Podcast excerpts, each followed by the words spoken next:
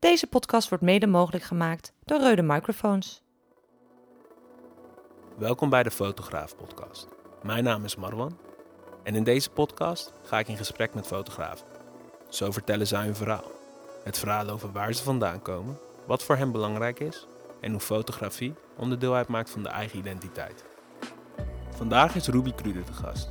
In de serie Meer dan een moment vertelt ze over haar drijfveren. In deze aflevering gaan we het hebben over haar nieuwe boek, Kaliber, en hoe 2020 een bijzonder, maar succesvol jaar is geweest.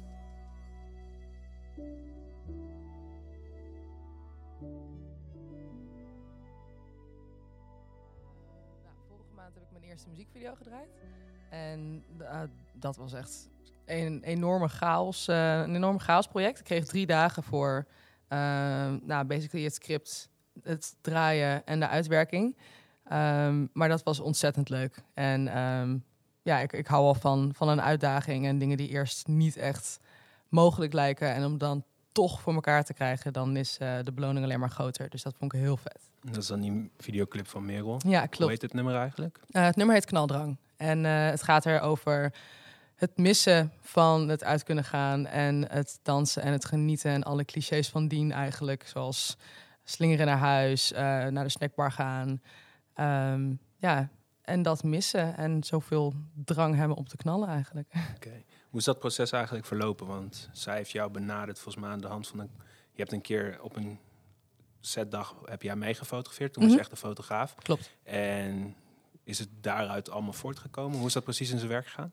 Ja, het was heel grappig. Voor ehm, de videoclip die we afgelopen zomer hebben opgenomen, was echt. ehm, toen was ik echt een fotograaf, zowel behind the scenes als eh, voor de cover. En eh, dat was echt ergens op een camping in Zeewolde, geloof ik. Dus eh, nou, onmogelijk om te komen als je call time 7 uur s ochtends is. Ehm, en toen reed ik met haar mee en toen hadden we ehm, ja, gewoon een leuk gesprekje. En toen vertelde ze me eh, wa- wat zij deed. En toen vroeg ze, wat doe jij? Vooral doe je alleen fotografie of wat doe je nog meer?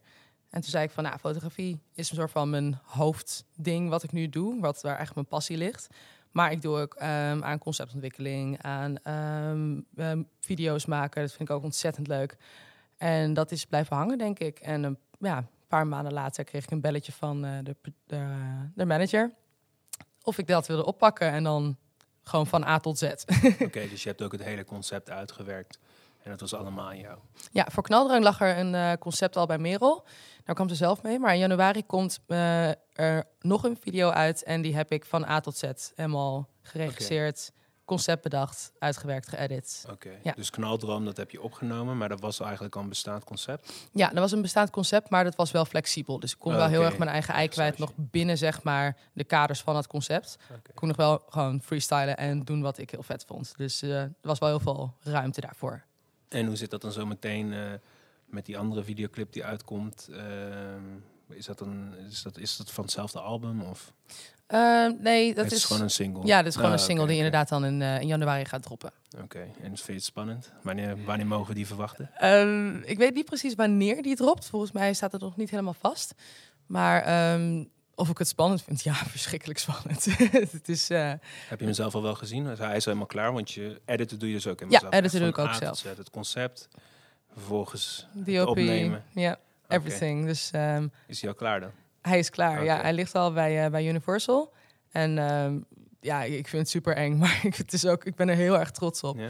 Ehm, ja, vooral omdat het de eerste keer is dat ik echt een concept naar buiten breng. Ehm, wat begint bij een gedachtespinsel, wat uiteindelijk gewoon een, een heel een, een muziekvideo wordt, gewoon een verhaal. En ehm, ja, dat, dat vind ik super exciting. Oké, nou ja. Dan gaan we het in januari wellicht meemaken. Absoluut. Oké, cool. Zou je misschien jezelf willen introduceren aan de luisteraar? Wie is Ruby? Eh, wat doe je? Absoluut. Want je doet van alles wat. Take it True. away. Nou, eh, ik ben Ruby. Eh, ik woon in Amsterdam en ik ben eh, fotograaf. Ehm, eigenlijk meer visual artist noem ik het liever. Ehm, omdat ik dus ook bewegend beeld maak. Eh, soms graphic design. Dus eigenlijk alles wat kunst is en wat visueel is. Ehm, dat vind ik heel erg leuk. En eh, ja, zo. Waar is dat eigenlijk ontstaan? En waarom dan visual design? Ehm, Is dat omdat je jezelf niet wil beperken tot enkel en alleen fotografie? meer dat inderdaad. Ik wil niet een soort van doosje maken nu... waar ik dan voor de rest van mijn carrière in moet blijven zitten. Ehm, ik wil niet, niet dat je je beperkt als je je soort van... ehm, ja, als je jezelf fotograaf noemt. Maar ik heb altijd een soort van urge gehad om meer te ontdekken... en zoveel mogelijk verschillende dingen te proberen. En dan zo, sorry, zo erachter te komen wat ik het leukste vind. Toen kwam ik er inderdaad achter dat ik heel veel dingen leuk vind om te doen. Ehm, ja, dus vandaar liever visual artist. Eh, omdat ik ja, heel benieuwd ben van wat er over vijf jaar of tien jaar of, of twintig jaar, wat ik dan aan het creëren ben. Maar het blijft wel, het visuele aspect is wel leading voor mij. Oké. Maar hoe zit het dan precies met, want je bent vroeger ook, eh in ieder geval, je hebt geschreven, je hebt heel veel verschillende dingen gedaan. En je zegt Mhm. nu ook dat je gewoon conceptontwikkeling doet, dus het is meer dan alleen het visuele. Het voorgaande, dat doe je ook. Ehm, waar, wa- wat, wat maakt voor jou nou dat, dat het creatieve? Wat vind je leuker? Het vooraf bedenken en het dan shooten? Of hoe gaat dat eraan toe? Ehm, voor, mij, voor mij is het belangrijkste en wat het ook allemaal samenbindt, denk ik, is gewoon ehm, het verhalen willen vertellen. En of dat nou een bestaand verhaal is, of dat nou een niet bestaand verhaal is, maar iets dat me te binnen schiet of ehm, een of andere rare dagdroom die ik dan in één keer voor me zie.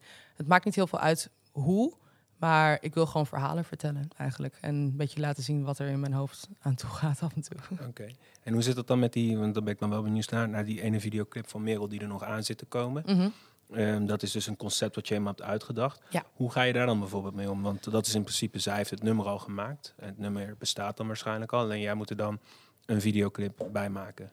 En jij moet er dus een, een verhaal bij, of in ieder geval, jij moet het- vertalen naar een visueel verhaal. Klopt. Hoe ga je daar dan bijvoorbeeld mee om? Want ergens wordt eigenlijk al heel duidelijk meegegeven, dit is de basis. Ehm, ja, vertel eens, hoe, hoe gaat dat? En hoe, ja, hoe vertaal je dat dan naar een visueel iets? Ehm, nou, sowieso geloof ik heilig in dat inspiratie leidt tot, tot vette dingen. Ehm, dus ik ben eigenlijk altijd, ik sta altijd een soort van aan en een soort van open. Ik ben altijd aan het, aan het zoeken ehm, naar dingen die me prikkelen. En een van die dingen is muziek. Muziek prikkelt me ontzettend. Ehm, bij het luisteren van muziek zie ik heel snel of voel ik heel snel een emotie of een kleur of een object eh, of een bepaald soort licht. En ehm, daarom was ik ook zo blij dat ik letterlijk alleen maar het nummer toegestuurd kreeg. En dat de rest gewoon helemaal open was. Want ja, dan, dan begint mijn mind al te rennen en te racen. Ehm, ik vind het gewoon heel interessant om een gevoel dat ik krijg van bijvoorbeeld een nummer, dan visueel te vertalen. En ehm, ja, dat, dat mocht ik dus helemaal doen bij, de, bij deze video. En dat vond ik heel vet. Hoe gaat het dan? Is het dan bij jou voornamelijk eerst een gevoel wat heel duidelijk is? Want ik zat er gisteren zelf een keer over na te denken van inderdaad, als je het hebt over creativiteit en eh, het willen maken van iets. Volgens mij begint het, althans voor mij, bijvoorbeeld ik schrijf zelf wel eens teksten. Ehm, als ik een eh, tekst schrijf, dan weet ik heel vaak een gevoel wat ik na wil jagen. En om dat gevoel heen ga ik vaak dingen bouwen. Dus het is vaak de uitgangspositie is een gevoel. En dat krijgt steeds meer vorm door er dus iets bij te creëren. Is dat dan hoe ik het bij jou ook zo zou moeten begrijpen? Dus dat je, want je zegt, je hoort een nummer en eh, eigenlijk maak jij een bepaalde associatie in je brein. En dat is een gevoel, lijkt mij dan. Of, Ja, dat is, zo kan je het inderdaad omschrijven. Het is echt. ehm, en ik denk dat dat voor iedereen anders is. Ik was er bijvoorbeeld met een vriendin aan over aan het praten vorige week. En die zei dan van. Ja, die ehm, had ik verteld over hoe ik het dan had ingevuld. Mag ik nu helaas niks over zeggen. Maar ehm, wat ik ehm, dan allemaal had gedaan voor de shoot. En toen zei ze van ja, hoe, maar hoe kom je er nou bij als je dat nummer hoort en eh, het nummer gaat zo en zo? Hoezo werk je het dan zo uit? En ik, heel eerlijk gezegd, ik vind het heel moeilijk om daar één antwoord op te geven. Want dat is inderdaad, dat hangt heel erg aan dat gevoel dat ik krijg ehm, van een bepaald nummer of van een bepaalde foto of van een sfeer. Ehm, en dan gaat dat eigenlijk een soort van op automatische piloot. Eh, eigenlijk, sorry, zodra ik het loslaat eh, en niet per se probeer te bedenken van oké, maar hoe ga ik dit naar buiten brengen? Eigenlijk komen dan de vetste ideeën altijd eruit. Want dan laat ik een soort van het natuurlijke proces van ehm soort van associaties maken en brainstormen. Dat haal je er dan bij. Maar daar, als je daar dat gaat forceren, dat werkt bij mij nooit. Ja. Dus ik kan beter dan bijvoorbeeld een nummer luisteren en dan gaan koken. Of dan eh, een beetje door het huis gaan, eh, een beetje gaan chillen. En dan in één keer denken, ho, wacht. En dan moet ik heel snel iets, pen en papier en gaan schrijven of gaan tekenen. Ehm, dan dat ik echt ga zitten met een pen en papier van tevoren van... oké, en nu ga ik luisteren en nu komt er wat uit. Dat werkt niet bij mij. Oké, En hoe bereid je je dan voor? Want uiteindelijk krijg je dan bijvoorbeeld met zo'n videoclip als die van Merel... heb je waarschijnlijk wel een deadline. Mhm. Of dat jij het in ieder geval af moet hebben. Hoe, hoe gaat dat proces dan bij jou? Is dat dan ook echt Eh, zo? rommelig. heel rommelig. Ehm, nee, dat is, ja, dat, dat is nogal lastig inderdaad. Want natuurlijk, ehm, in de creatieve industrie, zoals elke industrie, zit je gewoon met deadlines. Ehm, dus daarom is het voor mij ook heel belangrijk om goed uitgerust te zijn en goed te zorgen voor mezelf. Want het is ook heel veel. Ik denk dat heel veel creatieve mensen dit herkennen als ik zeg dan. ehm, als je mentaal niet helemaal lekker in je vel zit, dat, dan belemmert dat je creativiteit, je flow, je alles. Het geldt eigenlijk voor iedereen, niet alleen mensen in de creatieve industrie. Ehm, dus je moet gewoon echt in een goede mindspace zijn en echt gewoon zorgen dat je comfortabel bent. En dat je niet aan duizend andere dingen moet denken op dat moment. Want dan heb je niet eens ruimte om die inspiratie en die fantasie de vrije loop te geven. Oké. Wat je nu net zegt, ik denk dat het inderdaad iets is wat nou ja, best wel veel mensen in het algemeen misschien wel kunnen herkennen. Maar hoe, hoe zorg jij ervoor dan dat je in de balans bent en dat je dus inderdaad zen bent? Ehm, ik denk, nou, voor als freelancer is dat best wel een challenge af en toe. Want je zit niet vast aan één vaste werkgever of één vaste deadline. Het zijn er altijd meerdere. Ehm, maar je hebt het wel zelf in de hand. Dus je weet zelf wat je aanneemt en wanneer het af moet zijn, bijvoorbeeld. Ehm, wat ik dan, dat heb ik echt aan learned that the hard way, ehm, echt heb moeten doen, is mezelf echt forceren om even te gaan zitten. En echt forceren om eventjes een wandeling te gaan maken. En dan niet mijn telefoon meenemen of niet achter mijn laptop duiken als ik thuis kom. Ehm, dat is nog wel eens lastig, maar het is echt, echt, echt iets dat je heel erg moet waarborgen, denk ik. Van ehm, ja, echt je adempauzes inlassen. Gewoon, want dan laat je, let, je laat letterlijk jezelf op. Niet alleen je lichaam, maar je geest. Je wordt gewoon, ja, je reset even alle stress en alle chaos. Ehm, als je even een moment voor jezelf neemt. En dat kan een dag zijn. Het kan een week zijn. Zet je dan ook nodig echt hebt. alles uit in de zin van, of is het dan ook nog best wel vaak dat, dat je creativiteit je dan overvalt en dat je alsnog Ja. enorm druk bent in je hoofd? Absoluut, ja. Meestal ben ik dan, want als ik uitgerust ben, dan ben ik altijd lo- logischerwijs op mijn best. Ja. Ehm, en als ik dan iets, als me iets te binnen schiet, dan ik wil niet weten hoeveel notities ik op in mijn telefoon heb staan met concepten van echt drie zinnen tot ehm, waarschijnlijk twee A4'tjes van dingen die ik wel nog wil uitwerken een keer.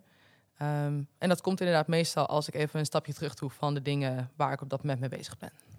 Hoe kijk jij dan naar creëren versus, want net zeg je ook aan het begin van inderdaad, ehm, ik, ik geloof heel erg in inspiratie, want uit inspiratie komen hele vette dingen. Geloof jij dan dat jouw ideeën, ter, ja, komen die echt voort uit inspiratie of echt meer vanuit een behoefte om te creëren? Want als ik het bij jou hoor, is het gewoon jouw hoofd maakt gewoon heel snel associaties met de dingen. Je doet waarnemingen en daar borduur je een heel verhaal op Mhm. verder. Hoe gaat dat dan precies? En hoe, hoe kijk je daarna? Geloof jij dan dat jij heel erg bezig bent met creëren omdat je de drang hebt om te creëren? Of omdat je gewoon zoveel ideeën hebt dat je denkt, die ideeën die wil ik delen? Mm, ik denk dat het een beetje hand in hand gaat. Ehm, ik denk dat als je inspiratie opdoet, dan krijg ik drang om te creëren. Want het is leuk ehm, als ik naar een museum ga bijvoorbeeld en ik zie een bepaald kunstwerk en dat, dat, laat me, dat geeft me een bepaald gevoel. Ehm, dan kan je dat daarbij laten. Maar ik maak dan waarschijnlijk snel een notitie, omdat ik denk van, oh, dit is inderdaad een vet concept. Hoe zou dat er visueel uitzien? Hoe zou dat eruit zien in bewegend beeld?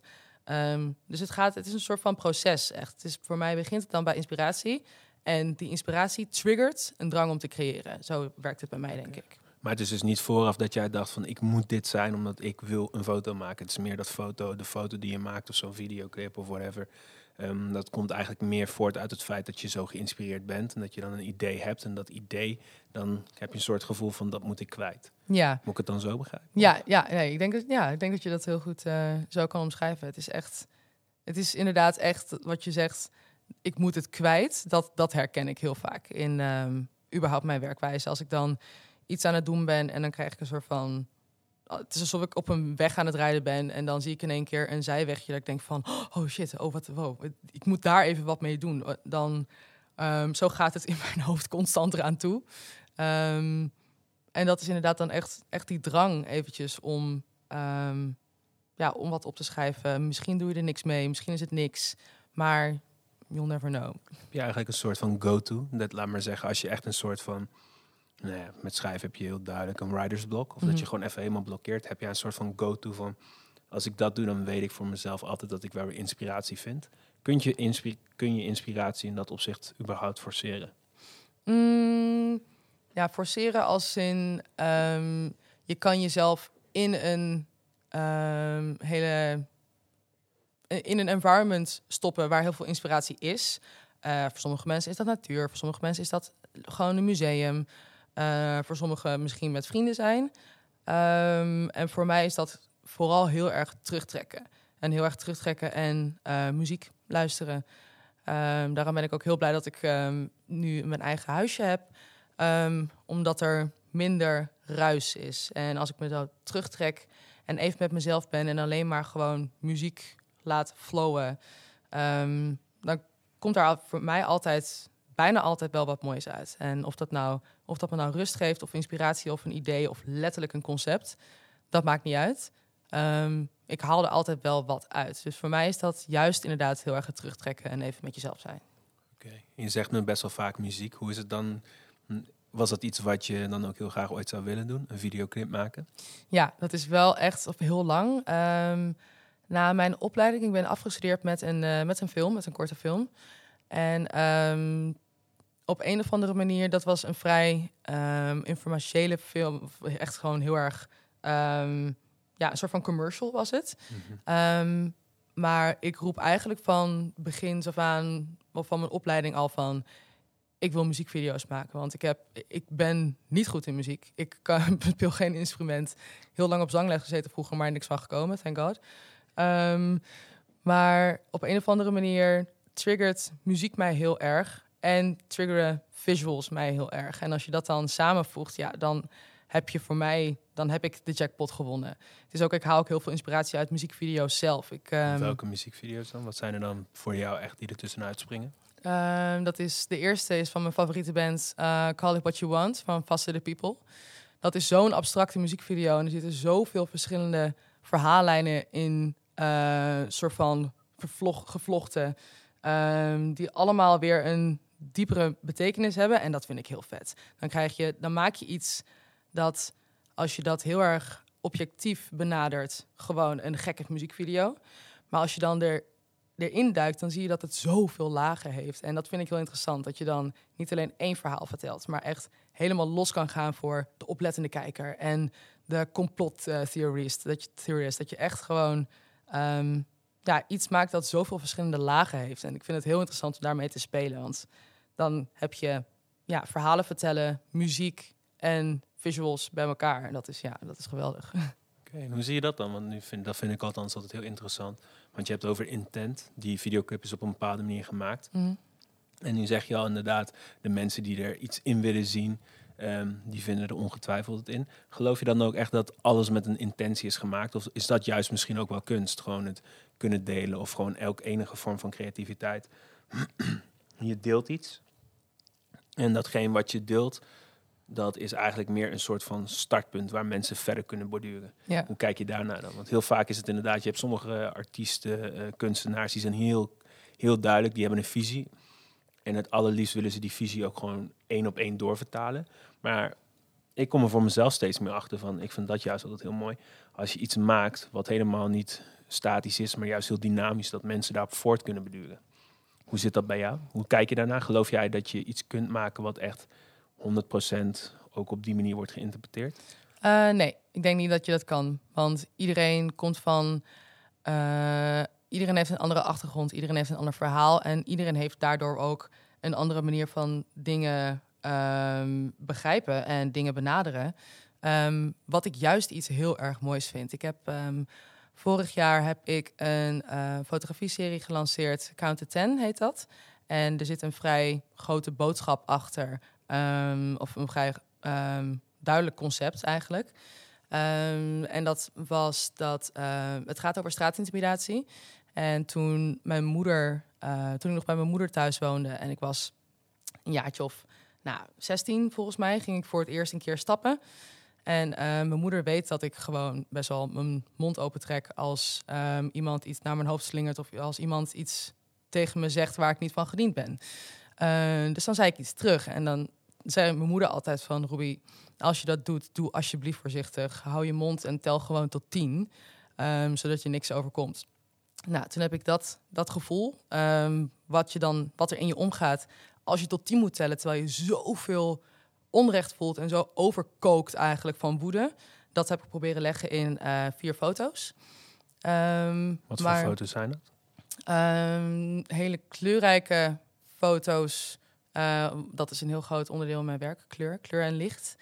Uh, dus ik heb heel veel met kleur en met licht een soort van emotie proberen te laten zien. Um, maar het, ik wilde wel het zo abstract laten, of dusdanig abstract, dat mensen hun eigen interpretatie eraan konden geven.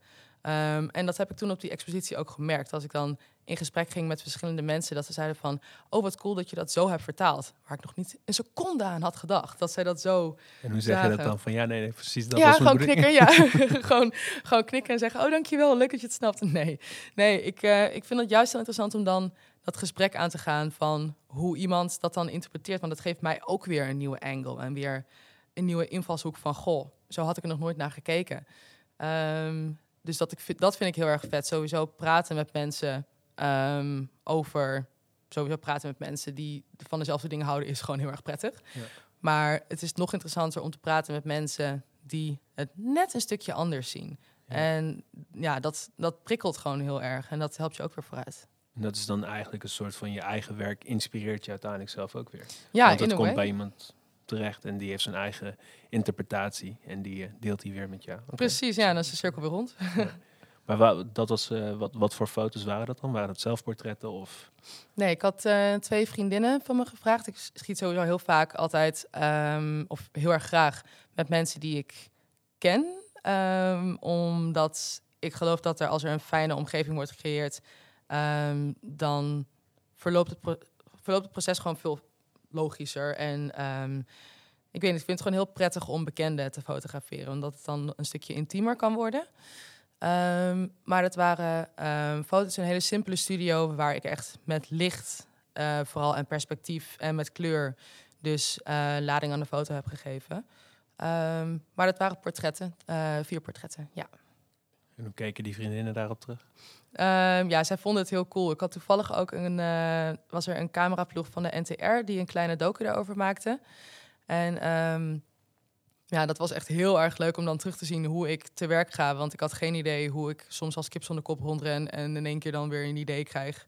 En dan weer iemand op de grond leg in een deken, weet ik het allemaal. Um, en toen zag ik inderdaad ook op camera hoe die vriendinnen van mij dan aan het reageren waren. Die keken echt om zich heen van, ik heb geen idee wat ze aan het doen is.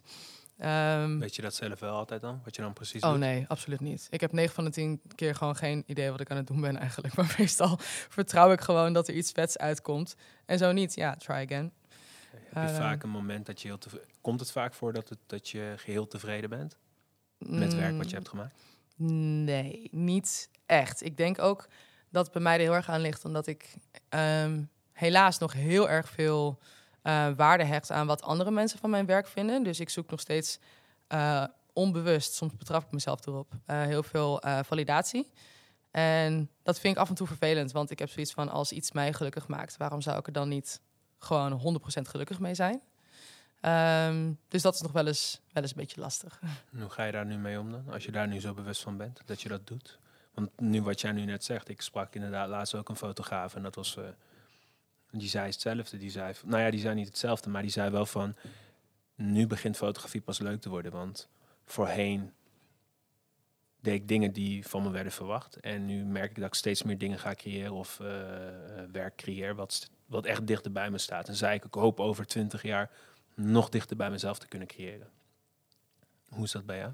Ja, daar kan ik me helemaal, uh, helemaal in vinden. Dat sluit ik me helemaal bij aan. Ik, uh, ja, ik, ik worstel inderdaad ook best wel vaak met van, goh, is dit wel goed genoeg? En dan kijk ik bijvoorbeeld op Instagram en dan zie ik werk van fotografen van ik denk van, stel je voor en ik zou zoiets maken, dan zou ik echt blij zijn met mezelf. Maar denk je dat echt? Ik denk ook heel vaak, is dat ook niet gewoon eh, een gemoedstoestand? Ja, oh, moment- absoluut. Want heb je soms, dat is bijna hetzelfde als dat je soms iemand op, op straat tegenkomt en dat, die zie je voor één milliseconde en een soort mesmerizing verschijning. Maar wanneer je dan de kans krijgt om er langer naar te kijken, dan denk je, oh, wat zag ik dan? Mhm, Heb ja. je dat dan, is dat dan ook niet? Ik heb de indruk dat het heel vaak afhangt van je moed. Dus dat je soms inderdaad, eh, dan kan je naar iets kijken en dan denk je, jeetje mina, ik wou dat ik dat ook kon. Mhm. Of hoe vet zou het zijn als. En dan een dag later kijk je, wat zag ik dan eigenlijk? Heb je dat vaak? Ja, niet, ja, soms wel. Ehm, niet altijd. Ik heb soms inderdaad dat ik gewoon zo blown away ben door ehm, iets dat iemand heeft gemaakt of iets dat iemand heeft gedaan. Dat ik denk van, ah, stel je voor en ik zou dat ook kunnen doen. Maar ehm, ik betrap me ook heel vaak erop als ik, dat ik dat aan het doen ben. En als ik dan denk van, ik ben nu zo hard aan het fantaseren over iets zijn dat ik niet ben en iets maken dat, niet, dat ik ook niet ben. Ehm, dan, dan is het altijd zo'n realisatie van mensen van... oh ja, je bent het weer aan het doen. Je bent weer aan het wegdromen. Je bent, ehm, je bent dit niet. Je bent uniek op je eigen manier. En je maakt wat letterlijk recht uit je hart komt. En daar moet ik mezelf af en toe een beetje aan herinneren. Je bent als artiest ook heel erg zoekende altijd natuurlijk. Ehm, en inspiratie opdoen is soms ook naar het werk van andere mensen kijken. Maar dan is het aan jou om daar een draai aan te geven en ehm, je eigen interpretatie aan te geven. In plaats van het namaken of denken van, ah, had ik het maar wat meer zo gedaan. Nee, je doet het zo omdat het jouw instinct is. En je kan blijkbaar niet anders. Dus, like, why doubt that? Tijdens haar studie aan de Amfi herontdekte Ruby haar liefde voor het maken van mooie beelden. Vanaf dat moment viel alles op zijn plek.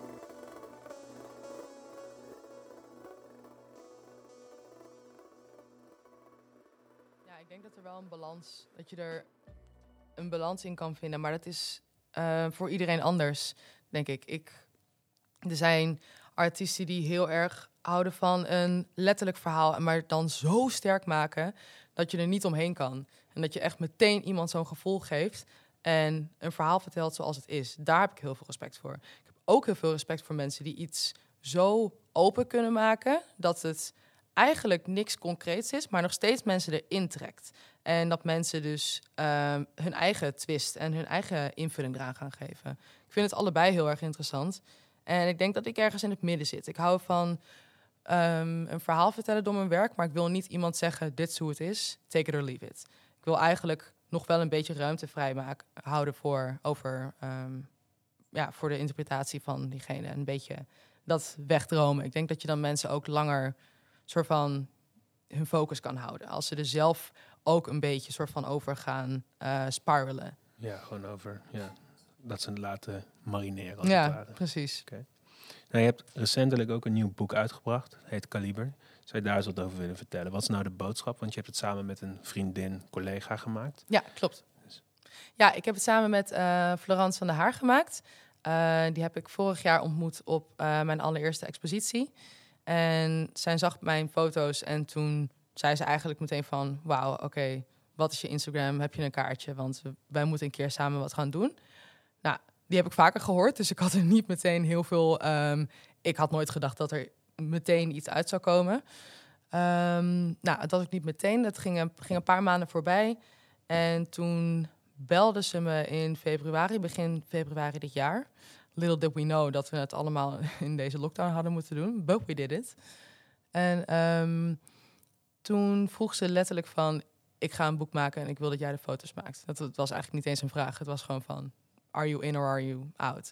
Eh, nou, natuurlijk, want het is al, al heel lang een droom van mij... Ehm, Zo'n jaar Om- van primeurtjes en een boek en een videoclip. ja, maar echt, ja, ik heb- ben echt ontzettend dankbaar voor wat, alles wat er is gebeurd dit jaar. Ehm, en ja, ik, ik kon dat niet afslaan. Het was zo lang al een droom voor mij om mijn werk gebundeld in een echt boek te hebben. Dat ik aan mensen kan geven en kan meenemen en zeggen van kijk, wat vind je hiervan? Heb je dit gezien? En ehm, wat is je mening hierover? Ehm, dat was voor mij echt het allervetste ooit. Dan hoef ik ook echt, bij wijze van spreken, um, if I go bankrupt, then it's fine. Want dan heb ik gewoon mijn eigen boek op de markt. En ik vond het, dat was echt wel het vetste project dat ik dit jaar heb, mo- heb mogen doen. Gewoon mijn eigen, mijn eigen kindje. En Kaliber, de naam, waar komt dat vandaan?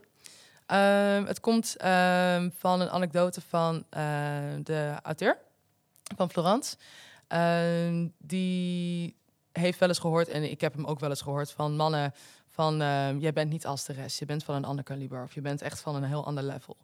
Wat bedoeld wordt als een compliment ergens. Thank you, no thank you.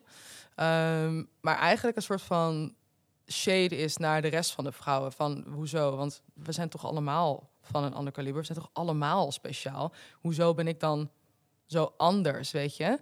Ehm, en daar kan ik me heel goed... Vandaar kaliber, trouwens. En daar kan ik me heel goed in vinden. Want als het aankomt op... ehm, de struggles die vrouwen in onze maatschappij op dit moment facen... en elke dag en al veel te lang... dan heb ik eerder een soort van gevoel van samenhorigheid dan verdeeldheid. Ik vind het verschrikkelijk ehm, wat sommige vrouwen meemaken. En ik draag die pijn, heb ik het gevoel. Ik denk, ik heb zoiets van... zolang we niet gelijk zijn... als niet iedereen gelijk is, is eigenlijk niemand gelijk.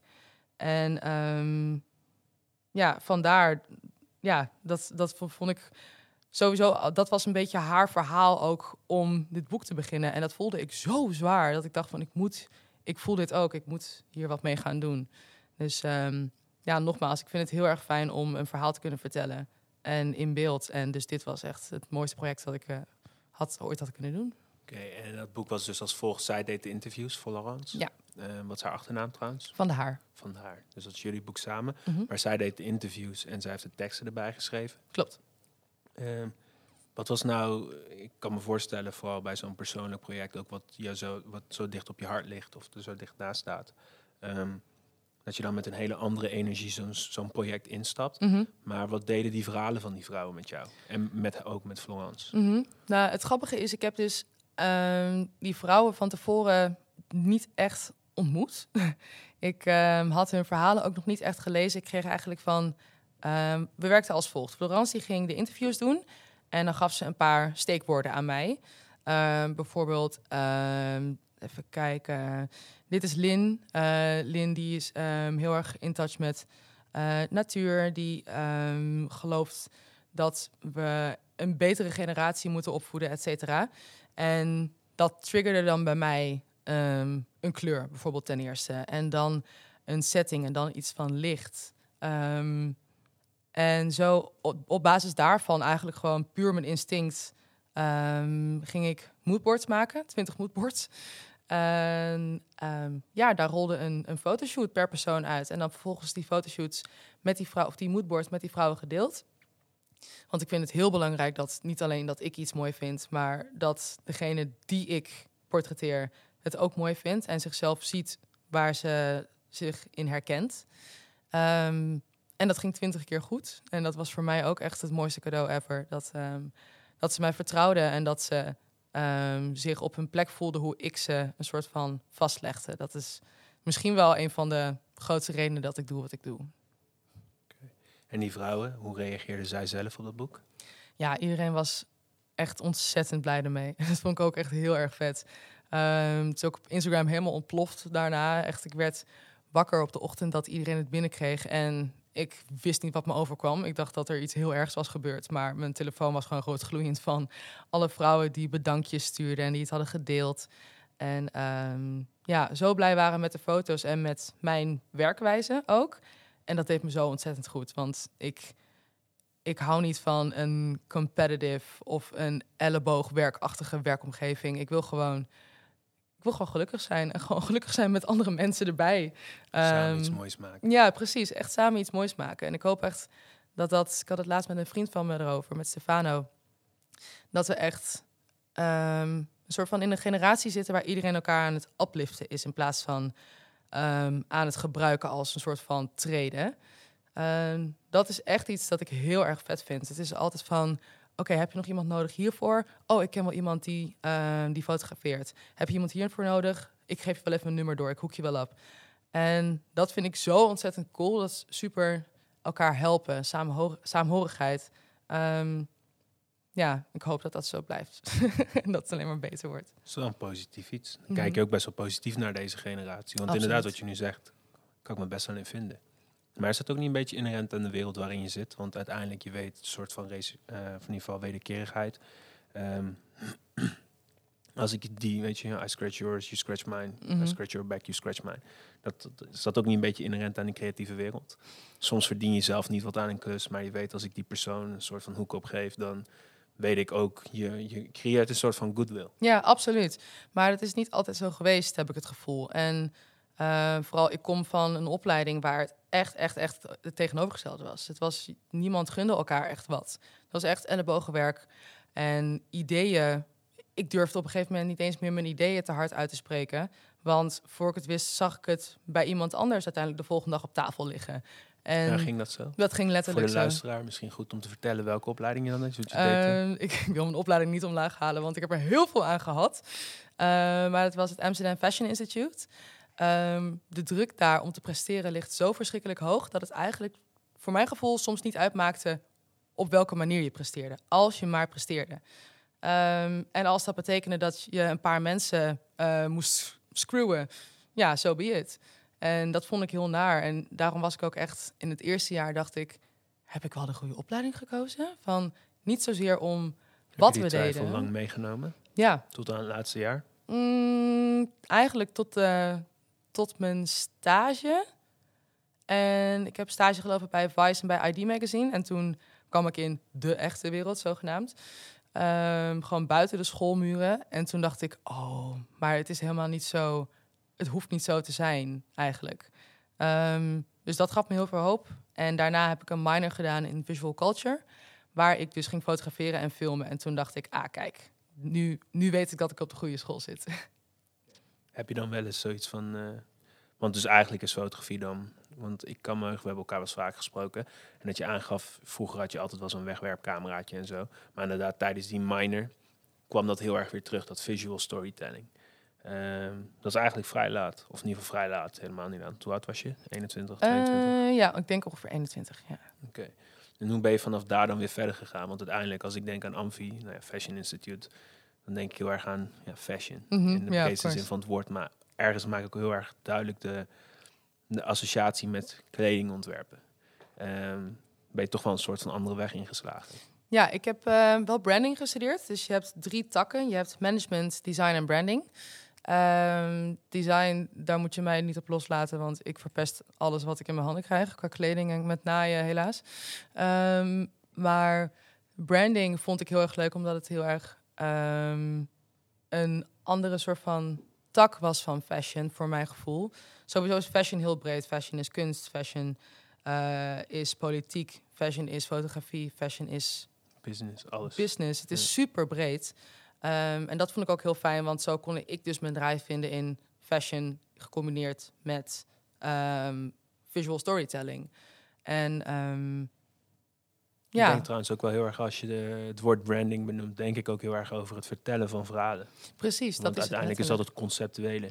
Je hebt ergens de manifestatie, dat kan een kledingstuk zijn. Mhm. Maar uiteindelijk begint het allemaal bij een visie, een, Precies, een idee, een overtuiging. En dat is eigenlijk wat, in ieder geval zo interpreteer ik branding altijd. Precies, uiteindelijk moet je een product verkopen, maar iemand koopt een product, maar je verkoopt eigenlijk meer een, een idee, een levensstijl waar iemand zich mee kan associëren. Ehm, een, ehm, een belofte, iets, ja, iets dat groter is dan alleen maar een product en dat echt veel meer lading heeft en een kleur en een geluid en iets dat, ja, dat breder is en dat soort van die persoon aanspreekt of die groep aanspreekt. Maar dat is dan wel bijzonder. Was dat dan voor jou ook het eerste moment in je opleiding? Of in ieder geval weer een moment dat je... Want je zegt net, geef mij een stuk kleding. Not my thing. Mhm. Ehm, was dat dan ook het moment, want op zich met die camera en nou, het visual storytelling maak je eigenlijk van een idee weer iets heel tastbaars. Mhm. Althans, je, je hebt iets conceptueels en dat vertaal je weer door naar iets. Was dat, dat ook het moment waarop je weer dacht, ik kan met mijn ideeën, want althans zo komt het op mij een beetje over, dat jij heel erg je, ehm, ehm, je idee hebt en ergens wil je het in kwijt. En dat dat uiteindelijk dus weer dat stukje fotografie of visual storytelling was. Ja. Ehm, Ja, het is niet echt een vraag die ik stel. nee. erg. Nee, ik was gewoon benieuwd van als ik, eh, ik hoor heel erg iemand die eh, ideeën heeft. Mhm. Ehm, En in wat voor rol speelt fotografie daar dan in? Dan uiteindelijk, je bent veel meer dan alleen een fotograaf. Want je zegt ook, ik maak video's en je doet meer dingen, conceptontwikkeling. Maar het lijkt mij dan heel fijn of heel prettig als je inderdaad het conceptontwikkeling doet. Maar dat vervolgens ook weer kan vertalen naar iets tastbaars. Precies, en dat is ook heel fijn. Daarom vond ik het ook zo chill dat ik bij die muziekvideo niet alleen het concept mocht doen, maar ook uh, het DOP, de Director of Photography, um, om het tot leven te brengen. Um, want ergens, normaal gesproken, is het niet altijd zo. Je hebt een scenarist, die schrijft het verhaal. Je hebt een regisseur, die stuurt de crew aan op set... en die um, zorgt dat alles wat er in beeld komt, klopt. Even heel erg platgeslagen. En dan heb je een DOP en die legt het vast. En ergens zit daar voor mij ergens een, kort, een soort van kortsluiting van... hoe dan ben je eigenlijk al drie stappen verder. Dus je bent al drie stappen verder van het oorspronkelijke idee.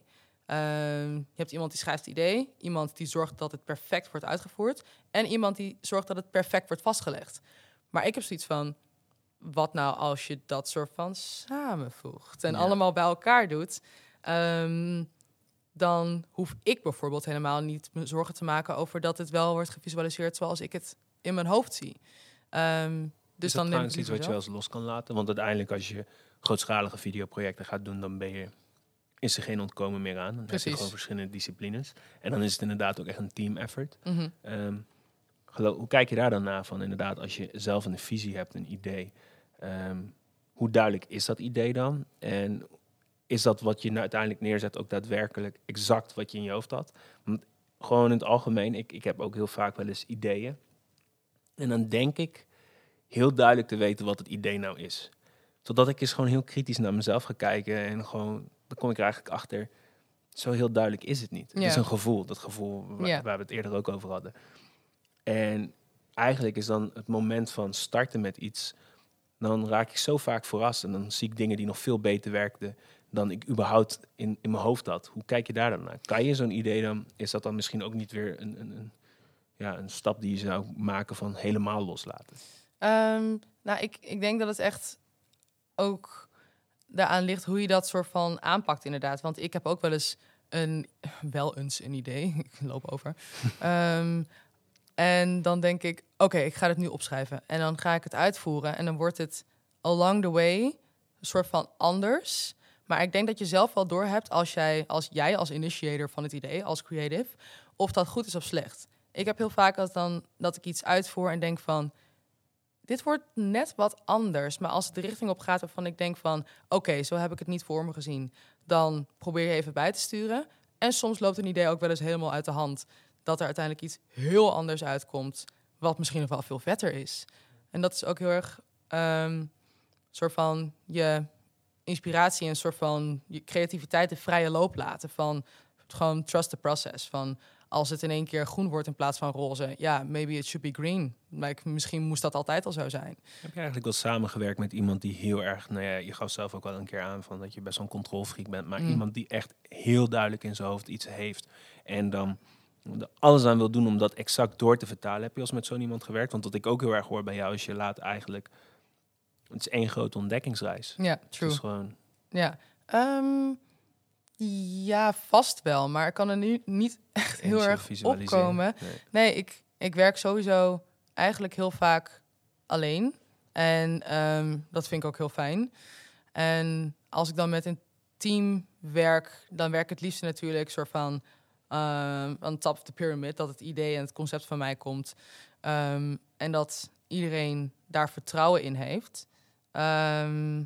Maar ik heb inderdaad ook wel eens voor klanten gewerkt Waarbij het dan heel moeilijk was om um, daar ook maar een andere twist aan te geven. Of een beetje advies, omdat die echt een idee hadden van zo moet het worden en niet anders. En ja, dat zijn niet de leukste projecten maar Is het ook wel eens anders uitgevallen? Dus dat je inderdaad dan met diezelfde mindset van ontdekken, dat je dan dacht, ah, het was eigenlijk helemaal niet wat ik zou doen, maar het is best wel vet. Ja. Het is gewoon niet mijn ding, maar het is een vet ding. Mm -hmm. Ja, dat heb ik ook wel eens gehad. Maar um, ja, ik vind gewoon het leukste om inderdaad, zo, zo hou je het ook leuk voor jezelf. Om gewoon heel erg open te blijven en niet een soort van routine ding ervan te maken. Van, want fotografie en sowieso creatie is nooit een routine, heb ik het gevoel. dat mag het ook, dat mag het niet zijn.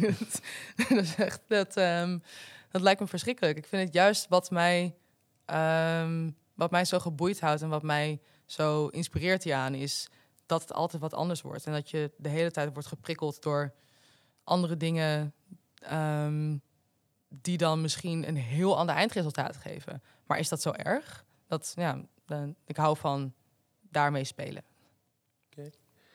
Waar ik nog wel nu benieuwd naar ben, want dit betreft best wel de ideeën. Wat vind jij dan als creatieveling belangrijker? De, een, een initieel idee, een eh, initieel idee, of juist meer de uitwerking? Want ik kom er voor mezelf althans steeds vaker achter van een idee is één, maar de uitvoering is veel belangrijker. Mhm. Want je kan een meh, weet je, gewoon een matig idee wat helemaal niet origineel is, Mhm. zo goed uitvoeren, waardoor het alsnog super, super gaaf is. Ja. Maar soms heb je ook een, een, een super idee, maar als de uitvoering wack is, dan is het gewoon wack. ja, precies. Hoe kijk je Ehm, daarnaar dan? Nou, ik denk dat je voor, voor beide kanten, je hoeft niet het hele wiel opnieuw uit te gaan vinden. Dus je hoeft zeg maar niet, eh, omdat je idee niet helemaal amazing is, eh, het dan maar niet doen. Of dat je de middelen niet hebt om het perfect uit te voeren, het dan maar niet doen. Ehm, en tevens denk ik dat het een beetje van beide is. Ik vind het heel moeilijk om te zeggen. Ik zou als eerste roepen, denk ik, het idee is belangrijker, want dat is je visie. Ehm, en ik werk heel erg vanuit een duidelijke visie en ik weet wat ik wil vertellen. Eh, de manier waarop is flexibel en dat is nog wat abstracter. Ehm, maar ik weet wel wat ik wil vertellen. Tegelijkertijd, als je het niet goed uitvoert, dan ehm, ben je er waarschijnlijk zelf ook niet blij mee. Eh, dus als ik moet kiezen, zeg ik toch dat het, eh, het idee belangrijker bent, eh, is, want dat is je drive. Ehm, maar dat wil niet zeggen dat je de kantjes eraf moet lopen met de uitwerking. En hoe kijk je daar dan naar? Want ehm, dan ook even terug refereren naar je opleiding. En dan misschien het eh, onderwijs en systeem in het algemeen is vaak heel erg gericht op het bijbrengen van vaardigheden. Mhm. En jij hebt het nu over visie en ideeën. Maar ergens is dat ontwikkeld. Mhm. En dat is een instinctief proces misschien. Maar wanneer heb jij echt jouw visie kunnen ontwikkelen? Waar is dat? Dat zal wellicht een combinatie zijn van oneindig veel variabelen. Mhm, ja, absoluut. Maar Ehm, ja, hoe, hoe stimuleer je dat? Want het is Ehm, heel makkelijk om tegen iemand te zeggen: ja, eh, leer schrijven of leer lopen of Mhm. leer fietsen. Als die persoon het kan, kan die het. mhm. Maar hoe ontwikkelt men een visie? Hoe ontwikkel je dus inderdaad een overtuiging, een drive? Ehm, ik denk sowieso dat het heel erg ligt aan je vakgebied. Je merkt snel genoeg, denk ik, ehm, of je ergens hoort te zijn of niet. Ik ehm, heb heel veel verschillende dingen geprobeerd voordat ik bij fotografie terecht kwam. En bij fotografie had ik echt zo'n Eureka-moment van... Hè, hè, dit, is, dit is waarom de rest eigenlijk gewoon niet werkte. En waarom ik nergens mijn aandacht kon bijhouden. Ehm, waarom ik steeds net niet goed genoeg was in dingen. Ehm, dat, was, dat is één. Dus als je echt je soort van passie vindt en iets waar je goed in bent, maar ook heel erg veel energie van krijgt, dat is stap één, denk ik. En die drive en die visie, die komen daarna soort van vanzelf bijna, denk ik. Ehm, ja, is een beetje idealistisch dit, maar ik denk niet dat je dat moet forceren. Ehm, mijn visie is heel erg voortgekomen uit ehm, Wel forceren of niet forceren? niet forceren. Mijn visie is heel erg voortgekomen uit dingen waar ik het niet mee eens was. En dat is heel erg breed. Maar dat voelde, dat, daar kreeg ik zo'n motivatie van. Van, oh, ik kan, kan het niet uitstaan dat dit zo is. Ik kan niet uitstaan dat dit zo wordt, eh, wordt vastgelegd, zo naar buiten wordt gebracht. Ik ga het anders doen. Zo ehm, is mijn visie een beetje ontstaan. Dus het kan ook heel vaak uit een gevoel voor, van onrecht ontstaan, denk ik. Wat bij mij sowieso gigantisch is. Ehm, dat is mijn, mijn grootste trigger, denk ik. Ehm, dus dat was voor mij gewoon heel erg bijzonder. Van niet per se, oh, ik vind dit zo geweldig, ik ga dit doen. Maar meer gewoon van, ik kan dit niet uitstaan, ik ga dit anders doen. En dat was voor mij een hele fijne. En in dat opzicht is eh Kaliber dan ook een manifestatie van die visie. Absoluut, ja, zeker. Het is echt een tegengeluid van alle, ja, alles wat er al is, eigenlijk. En dan ben ik wel benieuwd van, uiteindelijk is het dus een boek over vrouwen en de inspirerende quote, of in ieder geval het concept, of de titel van het boek gaat heel erg over dat mannen op een bepaalde manier tegen vrouwen kunnen praten. Hoe reageren mannen erop? Ehm so far heel erg goed. Ehm, nou, to be very honest, don't really give a damn. Maar tegelijkertijd eh, ben ik wel echt heel erg nieuwsgierig ook. Want het is niet alleen, het is niet een boek voor vrouwen exclusief. Het is ook een boek, misschien juist wel voor mannen. Ehm, om even een kijkje te gunnen in het hoofd van een vrouw. En niet zomaar een vrouw. Het twintig gigantisch inspirerende vrouwen die verschrikkelijke dingen hebben meegemaakt, die de mooiste dingen hebben meegemaakt en alles ertussenin. Ehm, dus ja, dat, dat vind ik heel erg belangrijk. Dat, um, dat het wel duidelijk is dat het niet alleen voor, voor vrouwen is, maar misschien juist wel voor mannen. Um, waar gingen we ook alweer naartoe? Nou, ik was benieuwd van wat vinden mannen er dan van? Ah, of de mannen die jij hebt die, die het hebben gelezen, ja. die je kent, misschien wel mensen uit je eigen netwerk of mannen die je kent of jongens. Uh, ja. Hoe reageerden zij erop? Was het voor hen ook een soort van een bewustwording over van hé, hey, zo heb ik er nooit bij stilgestaan? Ja, so far is het inderdaad alleen maar dat soort vette reacties geweest. Van hey, wat een, uh, wat een vet verhaal van die en die vrouw. En uh, heb jij ook wel eens zoiets meegemaakt? En ook echt genuine interesse daarna. Of wij, of ik zo wel eens zoiets heb meegemaakt. Want mij kennen ze dan, het zijn dan vaak vrienden. Um, en dan denk ik, goh, dit is eigenlijk precies de reactie die ik uh, wilde oproepen. Van um, denk eens wat langer na over wat iemand anders misschien meemaakt. En je hebt geen flauw idee wat iemand heeft meegemaakt um, als je diegene niet kent. En um, dus oordeel ook niet te snel. Ja. En dat is heel erg wat ik ermee wilde bereiken. Um, dus dat is ja, het is echt alleen maar winnen. alleen maar winnen geweest. Nice. Dat is mooi, toch? Mm -hmm. Althans. En hoe, hoe uh, deel je eigenlijk ook vaak dit soort, of uh, die ervaringen, deel je die dan ook met Florence? Ja, zeker weten. We hebben een appgroep. Oké. ja, we hebben een appgroep met uh, de, uh, onze manager, onze mama en manager, oh. uh, Dunja. En um, zij heeft alles met de fotoshoot geregeld. Zij regelt nu um, letterlijk het boek tot leven brengen en het boek bij de juiste mensen te brengen. Um, en dan Flo en ik natuurlijk. Wij zijn met z'n drietjes, hebben we alles gedaan. Um, ja, die appgroep gaat de hele tijd helemaal los. We waren vorige week um, geshared door een feministisch platform, Damn Honey, waar we alle drie heel erg uh, fan van zijn. Uh, dat gaat meteen in de groep. Um, we, hadden, um, we hebben nu Willy Wartaal zover gekregen om volgens mij even een uh, kopietje te laten ontvangen. Nou, dat gaat in de groep. Dat, dat, dat soort dingen moet je met elkaar vieren. Dus dat, um, ja, dat, dat maakt het steeds leuker. En ja, daar doen we het ook voor uiteindelijk. En zijn er nog meer van dat soort projecten waar je wellicht uh, nu mee bezig bent? Want het is natuurlijk een heel krachtig statement wat je wil maken met zo'n boek. Mm -hmm. um, en ook als ik het zo hoor, gaat dat ook heel goed. Zijn het, is het dan ook gelijk een moment waarop je denkt, oh, ik moet doorpakken, ik wil meer? Uh, of heb je nog zulke ideeën? Ja, ik, ik heb nog wel wat plannen liggen. Nou, flink wat plannen. maar um, ik moet wel zeggen, dit is zo'n verschrikkelijk druk jaar geweest. Verschrikkelijk als in geweldig, of course. Ik ben echt ontzettend dankbaar dat ik zoveel vette dingen heb mogen doen. Maar um, ik merk wel, waar we het in het begin ook over hadden, dat ik mezelf weer even moet terugtrekken of zo. Um, dus ik denk dat ik het jaar rustig ga beginnen, even terugtrekken, kijken wat voor ideeën omhoog komen. En dat lekker laten, laten borrelen.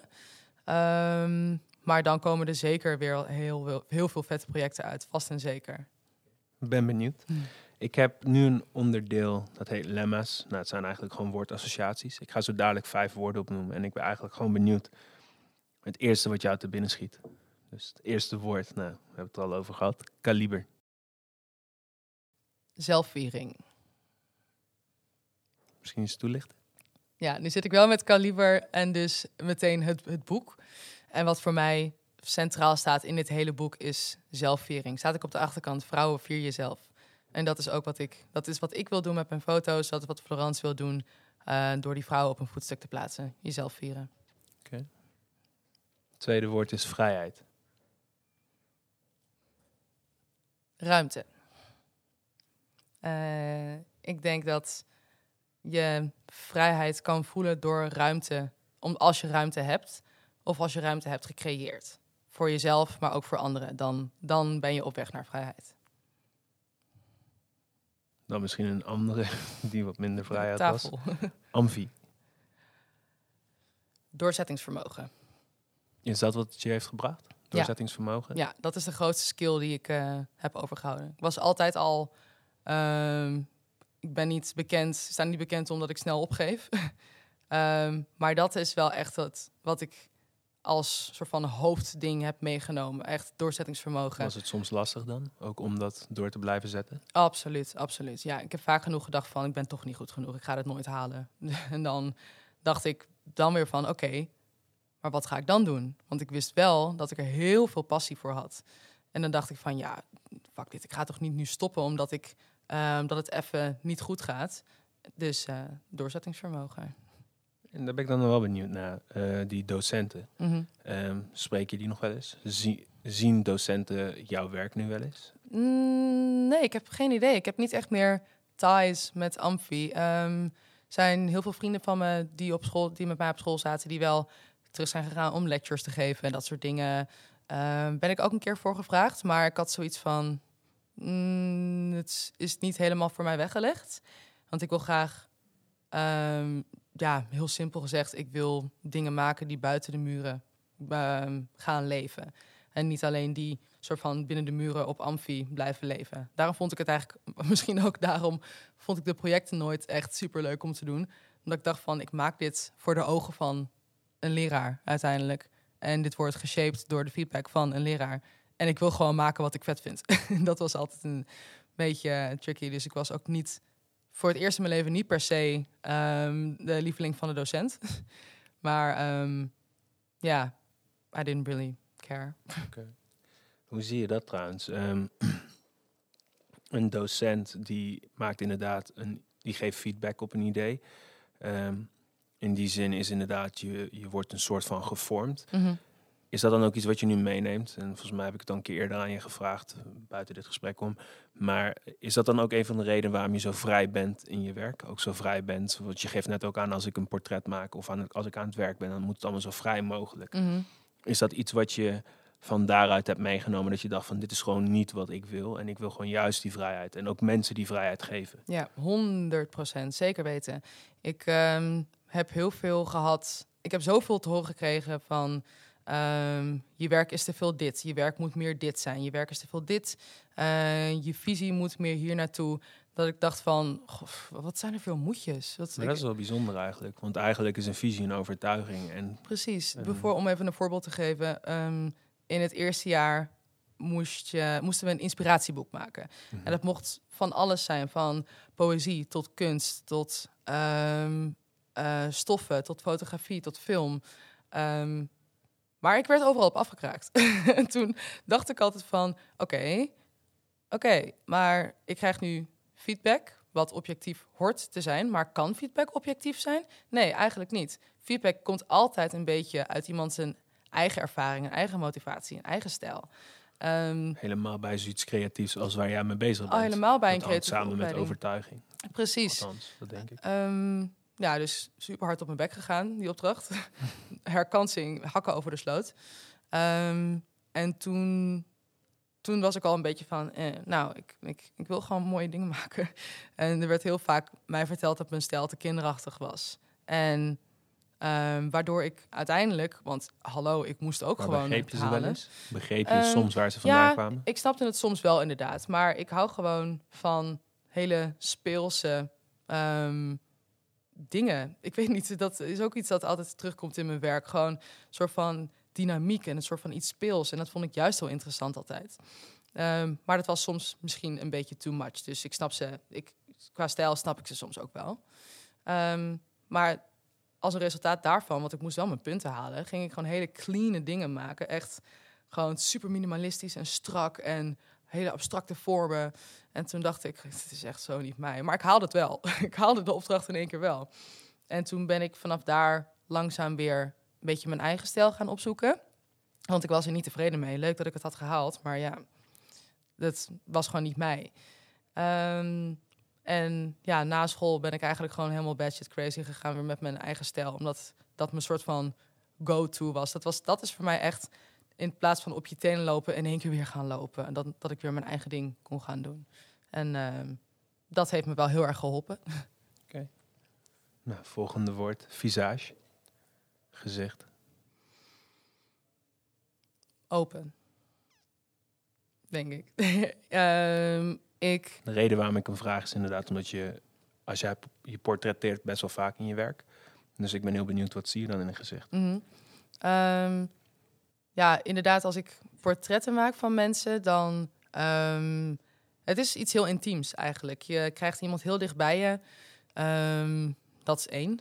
En het is, dat is heel letterlijk intiem, maar het is ook intiem als in je komt zo dicht bij iemand ehm, en je legt diegene vast. Dus je moet je daar heel erg op je heel comfortabel voor voelen eigenlijk. Ehm, dus eigenlijk moet je jezelf helemaal openstellen en een soort van overgeven aan de fotograaf op dat moment. Ehm, wat voor mij ook heel erg belangrijk is om iemand op zijn gevoel te laten voelen. Ehm, want dan maak je het mooiste werk, vind ik. Ja, dus vandaar open. Je moet open zijn met elkaar op zo'n moment. En een gezicht, wat zie je precies in een gezicht? Wat zie je Mm, aan de gezichten van de vrouwen die je bijvoorbeeld hebt geportretteerd? voor, voor kaliber. ik had ehm, over het algemeen voelde ik echt wel een soort van overwinning. Het was heel, heel verschillend. Eh, sommige vrouwen kwamen heel zenuwachtig binnen. Sommige die gingen meteen staan en zeiden van oké, let's let's do this thing.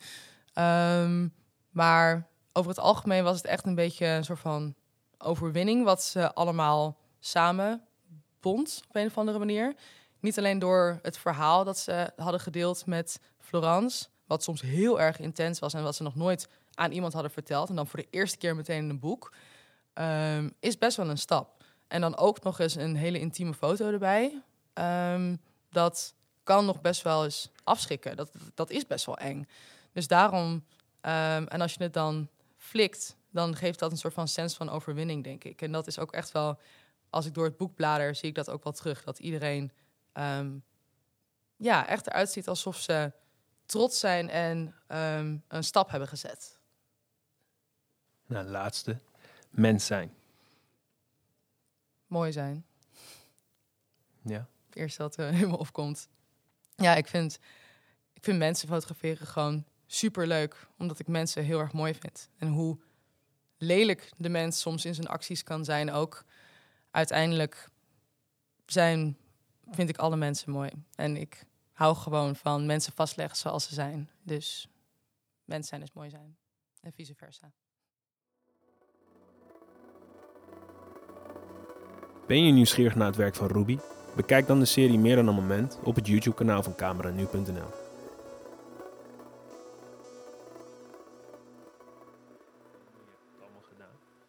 Wat zijn andere ambities? Heb je nog andere dingen die je graag ooit zou willen doen? Eh, ja, ik wil sowieso is alles ehm, het liefst zoveel in het buitenland mogelijk. Want ik wil gewoon heel graag reizen. Ehm, dus ik zou inderdaad beter willen worden in die skills. Dus ehm, regisseren en filmen en editen. Ehm, en dat meenemen naar het buitenland. En ehm, ja, verha- andere verhalen gaan vertellen die ik, nog niet, die ik nog niet eens ken. En heb je dan niet zoiets van... Je hebt nu van, dat zou ik zelf heel graag willen leren. Eh, editen, filmen, Mm. regisseren. Is er dan niet zoiets dat je denkt van... Misschien moet ik gewoon iemand vinden met wie ik dat kan neerzetten? Nee, ik, ik denk dat ik dat zelf zoveel mogelijk wil doen. Ik ben nu ook niet alleen fotograaf. Ik, ik zie mezelf graag ehm, breder dan dat en ehm, ja, flexibeler. Ehm, dus om iemand dan erbij te zoeken die dat voor mij zou kunnen oppakken, dat druist heel erg tegen mijn hele visie in. Van ik wil juist zelf al die dingen leren, een soort van one-woman show worden. Oké. Zou je ooit een film willen maken? Ja, heel graag. Ja. Heb je daar ook al een idee voor? Nee, maar wel dingen die misschien die ik in een script zou kunnen veranderen. Dat wel. Maar niet echt een concreet idee voor een film nog. Ehm, Maar dat zou je dan ook helemaal zelf willen doen? ja, ik denk het wel. Ik denk dat ik dat van A tot Z zelf zou willen doen. Dat lijkt me heel erg vet. Oké, nou wellicht. Hm. Ooit. En wat is de droom? Heb je nog dromen? Want je doet zoveel toffe dingen. Maar heb je nu... Nou, althans, je zei net ook van... Soms kijk ik naar werk van mensen en dan denk ik... Als ik dat zou kunnen, dat zou echt amazing zijn. Mhm. Maar eh, heb je dat heel vaak nog? Heb je nog grootste dromen? En leef je soms eigenlijk al niet je droom? Mm, ja, ik ben wel Ehm, sowieso hang ik nu minder aan dromen dan, dan vroeger. Ik dacht vroeger echt van, oh, ik, oh, ik, ik zal niet rusten tot ik dit voor elkaar heb, eh, want anders ben ik gefaald als mens. Het was echt heel radicaal. Ehm, en nu heb ik zoiets van, ik bekijk het gewoon elke dag waar ik sta. En als ik niet zo hard aan het rennen ben zoals ik misschien zou willen, dan is het ook wel gewoon prima. Maar als we het echt over dromen, dromen hebben, zoals iedereen die heeft, dan zou ik heel graag wat ik nu doe willen doen, dus in Zuid-Amerika bijvoorbeeld. Of, En waarom ehm, Zuid-Amerika?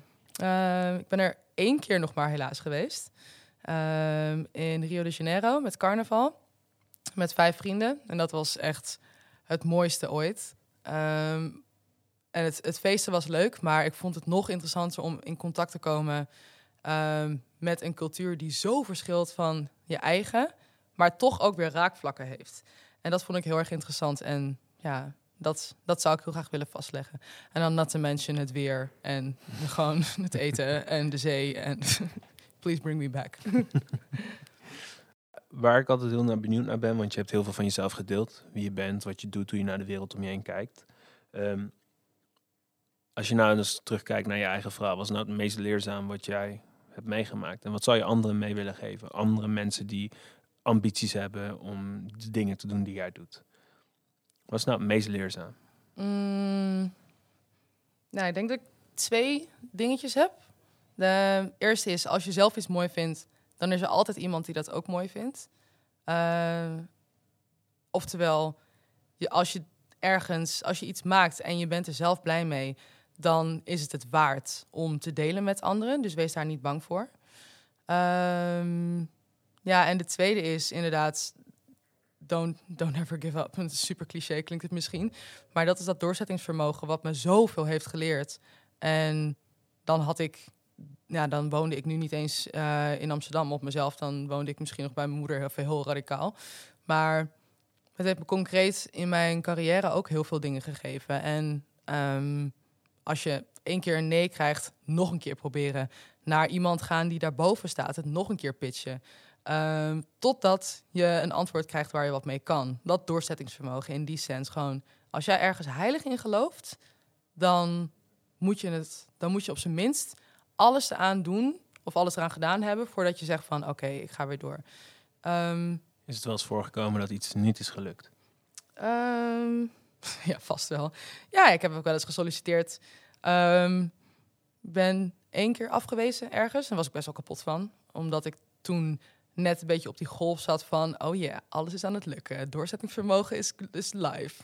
En toen ging ik, in één keer, ging ik in één keer niet zo goed. Ja, dat was heel jammer. Maar dan is het ook weer heel erg belangrijk... om dan niet te lang met, eh, bij de pakken neer te gaan zitten. Het is prima. Je mag best wel ehm, ja, even heel erg shit voelen. En ehm, dat gevoel erkennen van... goh, hier baal ik van. Hier had ik echt heel, heel, heel erg op gehoopt. Prima, ga eventjes miserabel zijn in dat gevoel. Maar doe het niet forever. En pak hem ook weer op, zeg maar. Dus dan, in a way heb ik daar ook weer van geleerd. Oké. En wat deed je dan in die periode? Ehm, dat ik even miserabel was? Ja. Ah, heel veel drinken. heel veel drinken met vrienden. Ehm, ja, dat vooral. Het was ook niet zo miserabel, want ik was afgewezen bij een baan die ik heel graag wilde. Maar ehm, nu ben ik mijn eigen baas, dus I don't care. misschien nog wel het, eh, uiteindelijk misschien wel nodig geweest om te zijn waar je nu staat. ja, misschien wel meant to be in a way. Ja. Oké, heb jij nog dingen die je graag zou willen delen? Gewoon in het algemeen. Laatste Mm, dingetjes. Even kijken. Iets waar we, voor, eh, waar we naar uit kunnen kijken. Misschien eh, projecten die we ja, eh, kunnen Mm. gaan volgen. Iets. Even kijken. Nou, ik hoop dat iedereen die luistert binnenkort ook kan kijken naar mijn werk. Dat ze me opzoeken. Ehm, ja, en heel graag mee willen geven, inderdaad, dat je het gewoon moet gaan doen. Als je een plan hebt of aan jonge fotografen, jonge beeldmakers, iedereen in de creatieve industrie en daarbuiten. Als je ergens, als je iets niet uit je kop krijgt, dan is het het waard. En ga er dan ook niet, geef het niet te snel op en negeer advies van andere mensen als het je niet aanstaat. Want dat heeft mij uiteindelijk heel veel gebracht. Gewoon ieder, andere meningen gewoon met een korreltje zout nemen als het je niet aanstaat. Mooie, mooie laatste woorden, denk ik. En eh ja, dankjewel. Ja, jij bedankt. Vond het leuk. Yes, ik ook.